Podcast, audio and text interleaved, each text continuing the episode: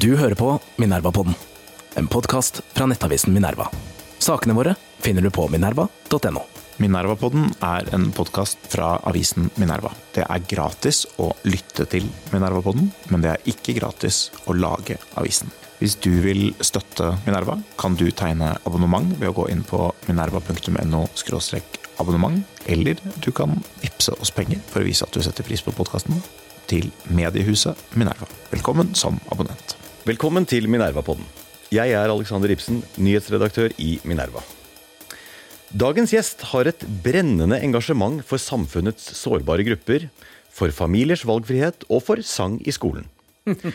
Engasjementet hennes er så sterkt at hun ved minst én anledning har sett seg nødt til å løpe et maraton. Av andre sentrale forhold kan vi nevne at hennes robotgressklipper har det finurlige navnet Carl i hagen. Kanskje den bare heter Carl og befinner seg i hagen? Uansett, det sier litt om at hun er vant til å vandre på demokratiets plen. Dagens gjest er ingen ringere enn KrFs leder. Olag Vervik Bollestad, hjertelig velkommen til Minerva-podden. Tusen, tusen takk. Det er spennende, dette. Fin, fin. Heter den bare Carl? Han heter Carl i hagen fordi han er i hagen, og heter Carl i hagen. Og den stopper hele veien, så han begynt å bli litt skranten. Gressklipperen, altså? Ja, ja, gress, ja selvfølgelig. Ja. Olaug, vi må vel kunne si at eh, KrF er et parti som er litt på siden av Oslo-bobla. Grunnfjellet av velgere bor ikke her nødvendigvis, selv om partiet gjorde det ganske greit sist eh, lokalvalg, og gjør det greit på målingene også i Oslo. Men journalister i Akersgata har ikke nødvendigvis fortid i KrFU. Eh, og partiets maktbastioner er ikke steder som Oslo og Drammen, men Vegårshei, Aukra og Kvinesdal. Hva er en god og trofast KrF-velger opptatt av? Først så vil jeg jo si at jeg liker ikke helt premisset ditt. fordi at jeg tror faktisk at eh, vi har noe politikk som er ganske godt for byene òg. For er det noe vi er opptatt av, så er det bredden i befolkningen.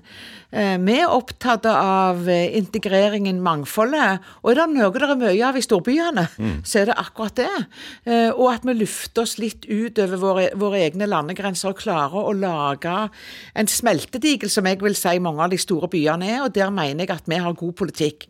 Og så er det riktig at vi har noen bastioner, eh, men den, den, eh, den på en måte genuine KrF-en, tror jeg kan si, er ikke bare den som er i en bygdekommune, men han evner å kikke ut over landet sine grenser, eh, skjønne utfordringer og ha et hjerte òg for det som er på utsida av, av, Norges grenser. Samtidig som vi er opptatt av et samfunn det bygges som en velferdssamfunn og ikke som en velferdsstat. Det betyr vi vokser nedentil opp, og ikke omvendt. Velferdssamfunn, ikke velferdsstat? Ja, det, det er mi, min vi, vi, tror ikke på en sterkere og sterkere stat, men vi tror genuint på et sterkere og sterkere velferdssamfunn. Der troen blir, får lov til å være fri, der uh, organisasjonslivet, frivilligheten der en tar beslutninger rundt kjøkkenbordet mer enn rundt eh, regjeringsbordet. Eh, det er et samfunn hvor velferdssamfunnet eh, rundt betyr mest, og så kan staten komme inn med, med både eh, regelsett, men òg være med å lage noen normer, men at en tar valgene eh, lengst mulig nede. Det høres jo ikke ut som noe som skulle skremme bort eh, Oslos befolkning, akkurat det du beskriver der. Og valget i høst gikk ikke så aller verst for KrF, eh, i den forstand at partiet landet på rundt 4% nasjonalt, men det avbrøt en flerårig nedgang, har jeg hørt folk i partiet også påpeke. Eh, forrige stortingsvalg derimot gikk ikke akkurat stang ut. Den gikk akkurat stang ut, ikke sant? Eh, og gjorde at deres stortingsgruppe nå er liten. Føler du at dere er godt rigget for det viktige neste stortingsvalget om halvannet år? Det valget blir jo ekstremt viktig for oss, så vi jobber iherdig. Og jeg, jeg har liksom tre ord. Det er at vi fornyer, forbedrer og forsterke. Vi må fornye politikken vår og forsterke kommunikasjonen vår, og ikke minst òg forbedre og styrke organisasjonen. For det er sånn at skal du ha gode politikere, så trenger du òg en moderne og god organisasjon som kan være på ulike plattformer, nå ulike typer folk. Så alle de tingene jobber vi med i strategi som sentralstyret er forankra godt i, eh, og vi jobber ut til alle ansatte, som igjen tar dette ut til lokal- og fylkeslag. Så jeg føler vi er òg i en liten, ikke boost, men vi har klart å komme til et punkt hvor vi i fjor verva over 1000 nye medlemmer. Mm. Vi hadde en konferanse eh, nå hvor det var en tredjedel var helt nye folk på, på en konferanse aldri har vært der før. Så jeg tenker at det er Vi har ikke mer enn tid og veien fram til, til stortingsvalget. Men jeg opplever at organisasjonen skor seg veldig, for vi vil tilbake igjen over sperregrensa. Når det, eh, å nå nye velgergrupper En ting som har vært nevnt litt, er dette med eh, velgere som ikke nødvendigvis bekjenner seg til den kristne tro. I KrFs formålsparagraf så heter det at KrFs verdigrunnlag er hentet fra Bibelen, den kristne kulturarven og grunnleggende menneskerettigheter. Eh, men vi har jo også andre religiøse minoriteter i Norge, og en, en, stor av dem er jo muslimer. Og enkelte har pekt på det at KrF kunne appellert enda mer til muslimer og andre religiøse grupper dersom det kristne elementet ble tonet noe ned, og religionsfrihet generelt og familieverdier ble hevet høyere. Deler du en slik oppfattelse? Eh, det skal være rom for andre religioner i KrF eh, av medlemmer og de som engasjerer seg det som har vært viktig for oss, det er at vi er ikke, vi er ikke en, eh, et kirkesamfunn eller en religiøs organisasjon. Vi er et politisk parti som har henta noen av verdiene.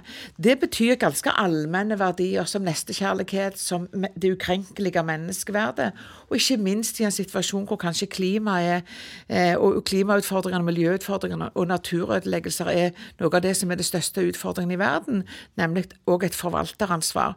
Og Det er ganske allmenne verdier som faktisk bygde Europa etter andre verdenskrig, uavhengig av ulike religioner. Og det er det som er viktig for oss, det er å vise den biten. Og jeg ønsker virkelig å forene alle de som mener at de verdiene er gode, allmenne verdier. Så er de henta fra den kristendemokratiske politikken, men det kan, kan, og skal ikke utelukke at andre kan stille seg bak det. Det er jeg veldig opptatt av, både å vise i praksis og invitere til.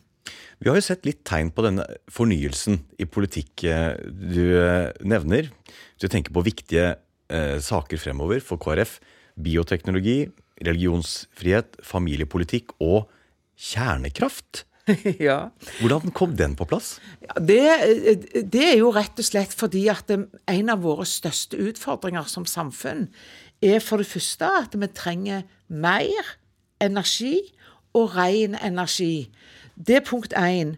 Og punkt to er at vi bygger ned noe, en fotballbane hver eneste dag med natur i landet vårt.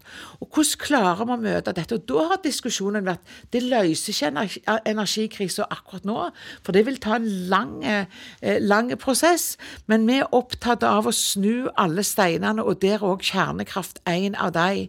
Og Det kommer opp med at KrFU eh, utfordrer moderpartiet. Det elsker jeg at de gjør. Mm. Eh, og så fikk vi et landsstyrevedtak på at dette skulle vi se nærmere på. Og Det betyr at vi skal gjøre det innenfor sikre rammer og alt dette, men det er ett av mange spørsmål vi må ha for å møte energibehovet framover. Og der er det vel en bevegelse i politikken for øvrig, og i hvert fall i befolkningen. Ja. Det er ikke så mange år siden man sa ordet kjernekraft, og vi tenkte Tsjernobyl og atombomber. Eh, og, der har det skjedd en utvikling, og det er ganske fascinerende at KrF var blant de tidlige partiene der, men nå kommer flere litt etter, da. Ja, ja og det, jeg, jeg, skjønner, jeg som har jobba veldig mye i helsevesenet, skjønner jo eh, reaksjonen at folk tenker Tsjernobyl. De ser på rein, reindriften og samene og, og, eh, ikke minst reinflokkene som var og måtte slaktes ned oppe på Hardangervidda. Sauene fikk becquerel. Alt dette. Jeg skjønner den historien historien, og så er det noen gamle som har historien fra krigens dager og det som skjedde i Hiroshima, og blir på en måte redde i det. Eh, og så må vi klare, og Derfor hadde vi på konferansen òg eh, en, en, faktisk en atomkjemiker som var fortalt om hva dette egentlig er, sånn at vi skjønner hva kraft eh, og hva atomkraft er. Det er når vi bryter atomer fra hverandre, så utvinnes det energi. og Hvordan klarer vi å gjøre det på en sikker og god måte, så du slipper en ny Tsjernobyl-ulykke, f.eks.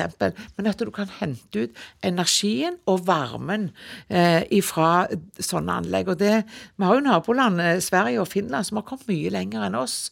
Og det er viktig at vi får med oss og ikke blir hengende etter som nasjon i dette. Og når det kommer til nye saker, så er det jo noen som man ikke nødvendigvis velger helt selv kommer på dagsorden. Og i KrFs tilfelle nå, og dette har du vært ute i mediene om også, det kommer jo da på spørsmålet om abort. Um, abortutvalget la tidligere i høst fram sitt, uh, sitt forslag. Uh, og man venter i løpet av våren at regjeringen vil fremme et forslag. Du har advart mot uh, en del ting der. kanskje vi kan kalle det innunder paraplyen sorteringssamfunn. Um, Får vi en ny abortdebatt i Norge nå? Eh, og er dette noe KrF er tjent med, egentlig?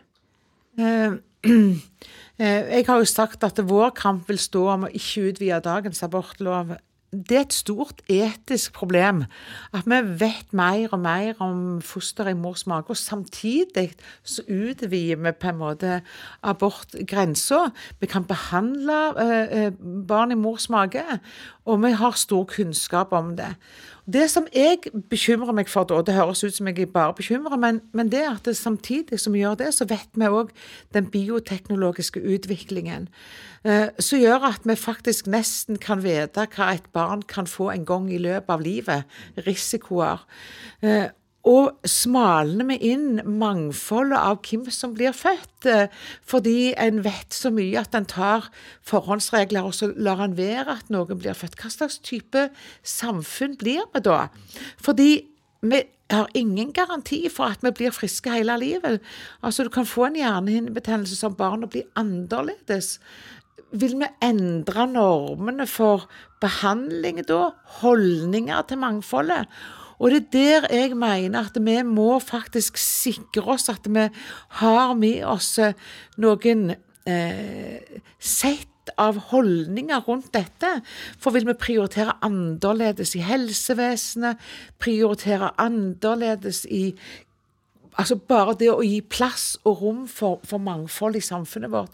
Så det er jeg veldig opptatt av, at det kan faktisk reduseres. Og vi må tørre å ta de debattene Uten at jeg skal liksom komme med pekefingeren til kvinner som har vanskelige valg. Jeg ønsker heller å legge armen rundt dem og få dem til å være med og tenke om noen av konsekvensene. Det er det jeg håper debatten òg kan bli framover. At all utvikling er ikke god utvikling. Altså Er det noe med bioteknologiloven som gjør at vi får et annerledes og mindre raust samfunn, eh, mindre inkluderende samfunn, hvor alle skal være i samme firkanten for å bli akseptert. Det, det mener jeg, det, Da blir vi fattigere. Men, men, selve debatten er vel en sånn som kan bli veldig betent og på spissen. Eh, I motsetning til andre politiske debatter hvor man øh, holder hodet mer kaldt. Er ja. det ikke sånn? Altså jo, og det er klart at det her på en måte er det mange mange interesser, på en måte, eller mange hensyn å ta. På ene sida så har du kvinnen og kvinnens, eh, kvinnens rettigheter. Og så har vi en abortlov som har økt hele veien rettsvernet til barnet. Altså Når du kommer til uke tolv, så skal du ha en nemnd fordi du skal ha noen forsvarere eh, for barnet òg. Det er jo det som var tanken for nemnd i sin tid. Og, og, og, og samtidig så skulle hjelpe kvinnen òg til å ta et, et, et informert valg. Eh, eh, og så legger jeg nå mye av det ansvaret over på kvinnen, eh, tenker jeg. Og jeg tenker at, at vi må klare å ta disse debattene uten å gå i, i skyttergravene. Fordi vi må ta med oss òg, som jeg sier, den her bioteknologiske muligheten som òg kan bli ei svøpe for oss hvis vi på en måte bare leter etter det som vi mener ikke er perfekt. Ta den diskusjonen som nå er på NIPT-test. I dag er jo òg den diskusjonen skal kvinner betale 10 000 kroner for dette.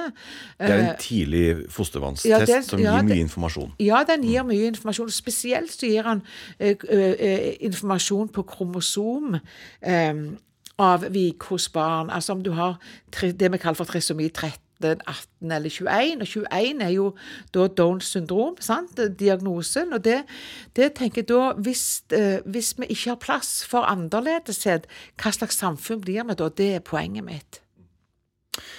Borgerlig side består av fire partier eh, per nå. Eh, For at borgerlig side Ser du noen andre i horisonten? Ja, jeg tenkte på INP har jo vært over eh, Men nå vet jeg ikke om de erklærer seg som borgerlig. Nå har de nettopp mistet partiet. De har splitta seg og danna noe nytt òg, har de ikke det? Ja, så nå blir det jo seks partier på borgerlig side. Ja, det kan. Det er ikke godt å si. Det er ikke godt å si. Men per nå så er det fire. Og for at borgerlig side skal utgjøre et troverdig regjeringsalternativ, så må det være et minimum av samarbeid mellom de fire partiene. Eh, og det gjelder jo ikke minst i større symbolske saker. Det siste halvåret har det derimot vist seg å være et visst sprik. Eh, på forslag om rask anerkjennelse av Palestina så eh, stemte Høyre og Venstre sammen med de øvrige Frp og KrF var på andre siden. I spørsmålet om konverteringsterapi, forbud mot det, så Dette var jo en omfattende lov med mange sider, men der ble i sum KrF og Frp stående alene. Og i innføring av endring i smittevernloven så var disse pandemiforskriftene da var Høyre eh, alene sammen med Senterpartiet og Arbeiderpartiet, altså regjeringen. De tre andre borgerlige utenfor dette her. Hva skjer med dette samarbeidet, egentlig? Eh, jeg tror at eh, hvis du går på begge sider av norsk politikk, eller i sentrum av norsk politikk, så vil du alltid ha noen ting vi er enige om. Jeg tror iallfall de på ikke-sosialistisk side, som jeg liker å si, da, det, det er jo at vi tror mer på et velferdssamfunn eller en velferdsstat. Vi tror at det der er noen grunnleggende verdier i et samfunn som ligger til grunn, og at staten skal ikke og, og bør ikke eh, gå inn og mene noe om alt alltid. Eh, det finnes gode beslutninger, og gi familien frihet, f.eks. Så jeg tror at det, det å sette seg ned og diskutere hva er det vi vil, og hva slags politikk vi vil vi ha. Og så vil det være enkelte ting som kan være store i seg selv, men hvis vi tar det store bildet da, eh, så mener jeg at eh, vi må og har klart det før, og jeg mener det skal vi klare igjen, å diskutere hva er det vi er enige om, og hva slags type samfunn er det vi vil ha, og, hvor, og hvem skal sitte med roret da, og hvordan skal vi kjøre den skuta. Det mener jeg er fullt mulig. KrF har gjort egentlig litt motsatt av Venstre ved inngangen til eh, det nye året. Eh, Venstre sier at de holder kortene litt åpne om hvem som er statsministerkandidaten eh, for deres parti til neste valg. Dere har sagt at det er Erna. Var dette viktig for dere? Altså det er jo, jeg sa ganske tydelig at det er viktig for oss å peke på partilederen til det største partiet i opposisjon. Og det største partiet er Høyre, og partilederen som Høyre har valgt, er Erna Solberg. Derfor så var det naturlig. Ja. Men hvis vi ser litt nærmere på to av de sakene hvor eh, Høyre særlig da stemte imot eh, de andre borgerlige, i hvert fall minst to av de borgerlige om gangen. Når det gjelder dette med konverteringsterapi, så virket dette å være et vedtak fattet på et litt tynt forskningsgrunnlag. Og drevet frem av en slags, kall det gjerne moralsk panikk. At man hadde gjort noen avsløringer om praksis, gjerne langt tilbake i tid, som eh, man så på som eh, svært eh, suspekt. Og dermed måtte man innføre et forbud. Eh, Men så er det grunn til å spørre om det ikke griper inn i religionsfriheten å forby visse typer bønn og samtale. Og Samtidig har vi sett skjerpelser når det gjelder helse, det helsemessige grunnlaget for spørsmål om særlig da kjønnsidentitet. Er vi litt ha- hastverksrettet her på dette? Er, er vi på gal vei disse spørsmålene? Eh, Det som jeg er opptatt av, punkt 1, og KrF, da, det, punkt 1 er at eh, ingen skal tvinges til å være noe annet enn den de er. Og så vet vi, og det, det er helt udiskutabelt. Men når denne lov og dette lovforslaget kom, så ser vi jo òg at eh, det å innskrenke noen rom som jeg mener er viktige, da. Nettopp for å finne ut av kjønnsidentiteten sin. Altså de gode samtalerommene. Ikke så, så, ikke skal endre deg til noe annet enn den du er. Men, men både så har jo psykologer og psykiatere stilt spørsmål med liksom, hvor skal vi hen, og hvordan skal vi gjøre dette? Og det samme har viktige sjelesørgere og viktige samtalepartnere sagt. Vi vet ikke om vi tør å gå inn i det rommet. Og jeg er veldig opptatt av, selv om de sier at ja, det skal være lov og sånn, så, så, er det ikke godt nok ramma inn til at det har skapt den tryggheten. Um, og så ser vi jo til Sverige, de går jo motsatt. De sier at, at eh, barn og unge som, som sliter med å finne sin kjønnsidentitet, de skal nett nettopp for rom og samtaler. Eh, faktisk, eh, Det ligger lovhjemler at de skal det. Og jeg tror at eh, vi kan miste noen, noe på veien fordi at vi mister disse rommene som jeg mener er viktige. Disse rommene er ekstremt viktige for meg å si ikke skal misbruke sin makt og myndighet. Og òg inn i trosfrihetens plass, hvor sjelesorgen i ulike religioner er, er, er viktig. Så, så, for KrF så er det òg vært sånn at vi har lest litt, ikke bare i Norge, men sett hvordan det har vært ute i verden. Det er jo ikke bare Sverige. Andre land, Frankrike endrer, eh, UK endrer, Nederland Så, så forskningsmiljøet begynner å stille noen spørsmål. Jeg skulle ønske at den loven hadde vært eh, bedre både eh, ramma inn, og ikke minst òg vist at, eh, at vi klarer å ta hensyn til noen av de viktige spørsmålene som ikke gjør at det skaper, skaper redsel for å ta i eh, så vanskelige spørsmål. For å bli litt sånn prosessuelt teknisk, så er det sånn at den loven den eh, ble behandlet i familie- og kulturkomiteen. Og, hadde, og var innom justiskomiteen på Stortinget til uttalelse. Det var altså ikke helse, men det var familie og kultur og justis. Og der har ikke KrF per nå representanter. Kan det ha medført at det ble vanskeligere å få KrF-synspunkter inn i selve den stortingsbehandlingen?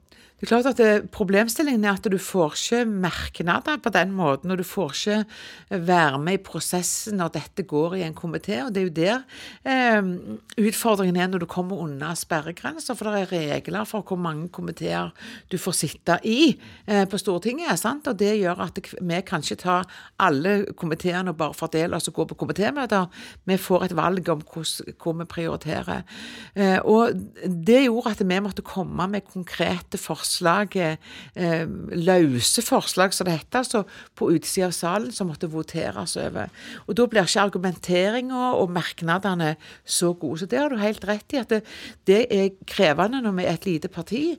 Og da måtte vi prøve å gjøre det som var viktigst, nemlig å komme med forslag desto større grunn til å nå den 4% Ja, sant, og det må folk skjønne. Nettopp.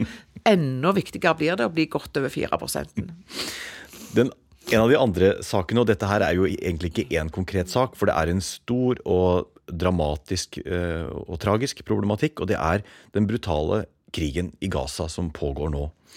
Ehm, vi ser et ganske forståelig engasjement for å få slutt på lidelsene, men i den tilspissede debatten så virker det skummelt å stå frem med synspunkter om at Israel har en rett til, å eksistere og til å forsvare seg. Og da kan man mene det, samtidig som man kan være kritisk til deler av krigføringen mm. i Gaza akkurat. Mm. Men KrF virker nå å stå litt alene om et slikt synspunkt sammen med Frp. Da er vi i norsk politikk. Og hvis vi ser i offentligheten for øvrig, så er det ganske taust. Og det innbiller jeg meg gjør fordi at man vil ikke bli tatt til inntekt for at man synes eh, krig og døde barn er akseptabelt på noe vis. Men hvordan oppleves det å ha KrF sin posisjon i dag? Eh, for det første så tenker jeg at det, det er helt forferdelig det vi ser på Gaza. Det må jeg bare si.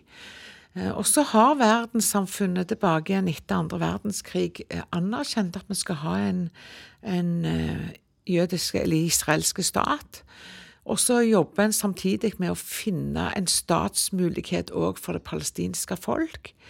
Eh, og i det så er det jo alltid vanskeligheter. Norge har vært med og prøvd over mange ganger i forhandlinger.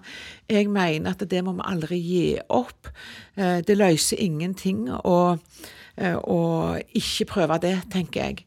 Det, men det andre er jo at det, en har terrororganisasjoner som òg mates ifra andre nasjoner igjen og store verdensmakter, sant, som gjør at det, det, er en litt, eller ikke bare litt, det er en utrolig kompleks situasjon, det som skjer på Gaza. Og folk blir på en måte skjold eh, for en organisasjon eh, som har som mål å utrydde Israel. Og så tenker jeg samtidig at Israel har jo òg fått Eh, må bruke på en måte forholdsmessigheten på en god måte, sånn at, eh, at vi klarer å, å, stå bak. Eh, og For KrF er dette viktig. Og så ble det en situasjon hvor vi fikk det angrepet 7.10, og jeg tror at mye av det skaper denne redselen. Det er det største angrepet på, på, på jøder siden andre verdenskrig og at historien forteller deg at holocaust var jo et annet bilde, og det må vi òg skjønne. Eh, og at det fortsatt er 130-140 fattige gisler som har sine historier ut om i, i, i, landet og verden. Eh, og jeg tenker at vi må klare å løse den situasjonen på en måte som eh, kan være i stand til å skape fred, men det er fryktelig vanskelig. Og det vi da ser vokse fram, eh, og som jeg syns er skummelt, det er jo antisemittistiske holdninger verden over, og at en samtidig òg ser muslimhatet øke. Og i en verden hvor eh, det blir på en måte så polarisert, så er faren for at eh, feil styresmakter får større makt og skaper utrygghet for veldig mange. Og Derfor så blir denne saken eh, og denne krigen ekstremt viktig at vi klarer å løse. Og Så ser vi òg at, at, kanskje så er det tanker bak òg for å få mindre fokus til det dramatiske som skjer i, i Ukraina, men ikke minst òg det som skjer på det afrikanske kontinentet, eh, som vi òg ikke får høre så mye om, men som òg eh, ligger egentlig bak her og, og, og, og viser en utrygghet. Du har også tidligere engasjert deg for antisemittisme, eh, eller altså mot antisemittisme, ja, ja, naturligvis. Selvfølgelig. Med spørsmål i, fra Stortinget. Gikk tilbake og, og, så på dette. Så dette her er jo et engasjement du har en historikk på. Um, er det en reell bekymring hos deg for at jødehatet kan vokse frem igjen, da som følge av Israel-kritikk? Ja, eh, altså det som jeg, det, ja, jeg er faktisk det. Nå har, har, jeg jo besøkt synagogen her i Oslo noen ganger. Møtt ungdommer som har vært disse veiviserne som har reist rundt på norske skoler. Som forteller deres opplevelse, som jeg ikke var født under andre verdenskrig. Ikke opplevde noe av dette, men som nå opplever et hat bare fordi de er, har en jødisk eh, på en måte eh, bakgrunn.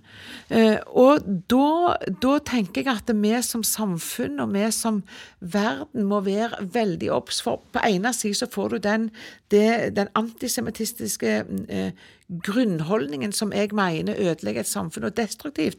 Det andre er jo at det, det vokser også et, et, hat mot muslimer, mot folk som har en annen religion. Og som samfunn så er dette drepende, som jeg pleier å si. sant? Altså, Hvis vi ønsker et samfunn hvor vi kan leve i sameksistens, så kan ikke eh, jøder kikke seg over skulder fordi de lurer om noen er ute etter dem. De må kunne ha ei barnevogn uh, som noen har opplevd å bli ødelagt i denne byen. En må kunne ha det en mener riktig hengende ut for, forbi sin dør, selv om det symboliserer religionen deres eller hva det måtte være. Vi får et veldig intolerant samfunn, og ikke bare her i Norge, men det blir internasjonalt. Og det blir polarisert, og det gjør at utryggheten og ufreden får makt. Eh, og det, det er grunnleggende for meg. Og jeg, og sånne tendenser med å ha antisemittistiske holdninger Husk, det var de beste folk òg i dette landet som fikk sånne tanker. Og det, Derfor så må vi være så obs. Det er ingen selvsagte ting at dette ikke skal komme en gang til. Faren min eh, husker at man eh, brukte ord som eh, jødebutikk og sånt nå i, ja, ja. i Norge. og da, det var, Dette er jo da med mentaliteten før andre verdenskrig og holocaust. ja. Da virket det litt ufarlig. Ja. Ja, og, og nå så kan vi jo høre eh, Han der er en riktig jøde, kan noen si. Og i det ligger det kanskje en forretningsmann eller sånn. Så du, du på en måte du, du bruker ord eh, som, eh, som i seg selv blir eh, holdninger. Som skaper meninger, som òg da skaper hat. Og det tenker jeg er Det må vi virkelig stå opp mot. Uansett hva det er. Siste spørsmål om det med Gaza. og det går på, Hvis man ser på NRK og leser øh, de store riksavisene, så mener jeg da får man et inntrykk av at øh, Norge krever mer kritikk av Israel fra Norges side. eh, en mye tøffere linje, i den grad vi har muligheter til å føre en slik. Men når det kommer til KrF og eh, deres eh, bakland, hvis du vil, får, merker du andre budskap også? Er det, er det en viss type Vi trenger ikke gå lenger enn å si Israel-forståelse, Israel-sympati, som ikke kommer så veldig klart til uttrykk. Ser du en sånn eh, stemning også i deler av befolkningen? Jeg tror altså øh, Hos oss så har vi jo veldig mange som er i anførselstegn Israels venner, på et vis. Og det, det har nok òg en sammenheng med at det er òg en del som, som eh, legger det opp mot sin tro som en viktig bit. Men samtidig så har KrF òg veldig mange som har et nyansert bilde på dette, som tror på en fredsløsning, men hvor vi må inn i en dialog. Vi må ska, skaffe til veie en tostatsløsning som sikrer at òg det palestinske folket For, for KrF mener jo òg at menneskeverd er konstant. Det er ikke noen som er mer verd enn andre. Og det betyr òg at vi leter og vil være med på å bringe fram og elske fram en løsning som òg gir plass for det palestinske folket. Det er ekstremt viktig for meg å si. Vi nærmer oss slutten, eh, Olaug. Men KrF har sittet med nøkkelen til regjeringsmakt før. Og kan svært sannsynlig gjøre det igjen etter valget om halvannet år, hvis alt går som det skal. For mange velgere er nettopp en slik vippeposisjon viktig. For det bor en stor makt i å besitte den. Da har man sterk forhandlingsmakt, eh, og man kan påvirke politikken. Hvordan vil dere bruke denne makten om dere får den? For meg, så, eller for KrF, så er det utrolig viktig at det kommer vi i en posisjon hvor vi vipper. Så det er klart at vi skal forhandle, vi skal være godt forberedt på forhandlinger og politisk gjennomslag, for det er derfor vi er der. Og samtidig så er jeg opptatt av at vi må bruke den makta så vi får et regjeringsalternativ, så folk ute opplever at vi skjønner deres hverdag, samtidig som vi skjønner at Norge er et lite land i en stor verden, men vi kan ha en betydning fordi vi òg har en del ressurser som vi må forvalte på en god måte. Så KrF vil være konstruktive, er jo et fint ord, da, inn i en sånn en dialog, eh, og samtidig så vil vi sette stempel på det, noen av de sakene som er viktige for oss. Men husk, et samarbeid er alltid å gi og ta, og KrF skal òg måtte gi for å kunne få noe i et samarbeid. Da får vi det beste utgangspunktet for å kunne klare å stå sammen. Og det blir enda hardere dager enn akkurat det når du forhandler om en regjeringsplattform. Helt til slutt, Olaug, så har vi eh, tre lettbente og kjappe spørsmål. Ja, da, ja, OK. Da må jeg ta litt kaffe. Okay. Ja, da må du få en slurk kaffe. Og det er fra KrF sitt program. Og da kan Å, vi jo kanskje, kanskje hjelpe noen potensielle velgere der ute til å få den siste argumentasjonen Håper det de er trenger. argumentet er det gode programposter du har funnet, da. Ja. Jeg har funnet frem noen som jeg ikke helt forsto. OK, det er OK. Så første, hva, spørsmålet er da hva mener KrF med dette? Nummer én innføre en sanksjonsmulighet for brudd på språkloven. Ja, ja, ja, jeg må tenke litt nå. Eh, Det betyr jo at vi har egentlig to skriftspråk i dette landet, sant, i skolen. Nynorsk og bokmål. Eh, Jeg eh, snakker jo godt nynorsk, men jeg skriver egentlig bokmål ofte. Hvis jeg ikke skriver dialekt, da. Eh, Og det er at eh, vi har gjort det for at folk skal kjenne seg igjen i språket. Og derfor så mener vi at hvis ikke dette fylles med den prosentandelen vi har sagt det skal være, så må det være en sanksjonsmulighet i det. Svaret på hva den sanksjonen er, har jeg ikke, men at en må faktisk kunne gjøre dette på en måte som sikrer at vi får språk som folk kan identifisere seg med. For vi snakker jo ofte bredere enn det vi gir uttrykk for. Det er et nynorskpunkt. Kanskje den sanksjonen må være ganske streng?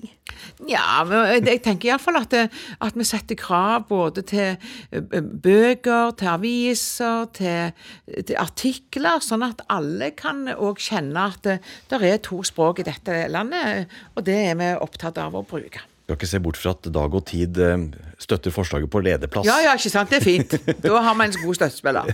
Neste. At tegnspråkbrukere må få rett til tegnspråkstolk etter klokken 16 på ettermiddagen. Skulle bare mangle. Ja, for de har ikke det. De har det bare fram til klokken klokken ja, for det er ofte sånn at dette er vaktordninger, og det- er ofte for, Tenk deg sjøl. Hvis du stapper propper i ørene ikke hører noe, ting, og jeg sitter og snakker til deg, og du skal fortelle meg noe om deg, så har du ikke sjans. Så sier klokka er fire, jeg kan ikke hjelpe deg mer. Nei, men dette har jeg vært med på. Altså, Jeg har tatt imot syke folk jeg, i sykehus, og ikke fått tak i tolk. Og skal spørre etter symptomer, f.eks. For, for å gi rett behandling. Det skulle blått bare mangle.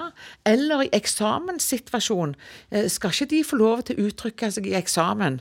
Eh, Ikke alle eksamenene foregår på dagtid. Så dette med å gi mulighet, det, er deres måte å forstå hva vi sier til dem. Og da må det jo være tegnspråkfolk som kan være med og gi den muligheten. Det skulle, mener vi et inkluderende samfunn, så mener vi det. Og da åpner vi òg for at det er mulighet døgnet rundt. Skulle bare mangle, Ja, mener det, det gir god mening. Siste. Ja. Arbeide for at Gulatingslova kommer til Norge. Ja, Vi har den jo på lån akkurat nå. Eh, Det er jo en norsk lov eh, som, som, som eh, ligger andre plasser i verden, og så får vi låne den av og til. sant? Også det er dokumentet. Det er dokumentet. Jeg var, begynte å lure på om dette var en sånn vestlandsk imperialisme. At nå skal vi ta over resten av landet det var- med Gulating? Ja, ja, ja. Det, nei, det er så enkelt som at det, det, det og, og det, For oss så er det for mange er det da en viktig del av det å høre til og ha noen av historien. Så det er jo en lov som vi akkurat nå om dagen låner på utstilling i, i, i Norge, men vi skulle gjerne ønske å ha hatt den, for det er vår lov, og hatt den som en, et historisk dokument som hører våre røtter til. Men man trenger ikke være redd for at om KrF kommer over sperregrensen, så må vi følge Nei, Gulatingsloven. det kan dere være helt sikre på. Eh, Det ble, det, vi er ikke så skrodde, men, men, men, det, er en- det, er viktig, det er et viktig fundament for det vi har av historien vår. Absolutt. Olag Bollestad, tusen takk for at du kom til Minerva-podden. Tusen takk for at jeg fikk komme.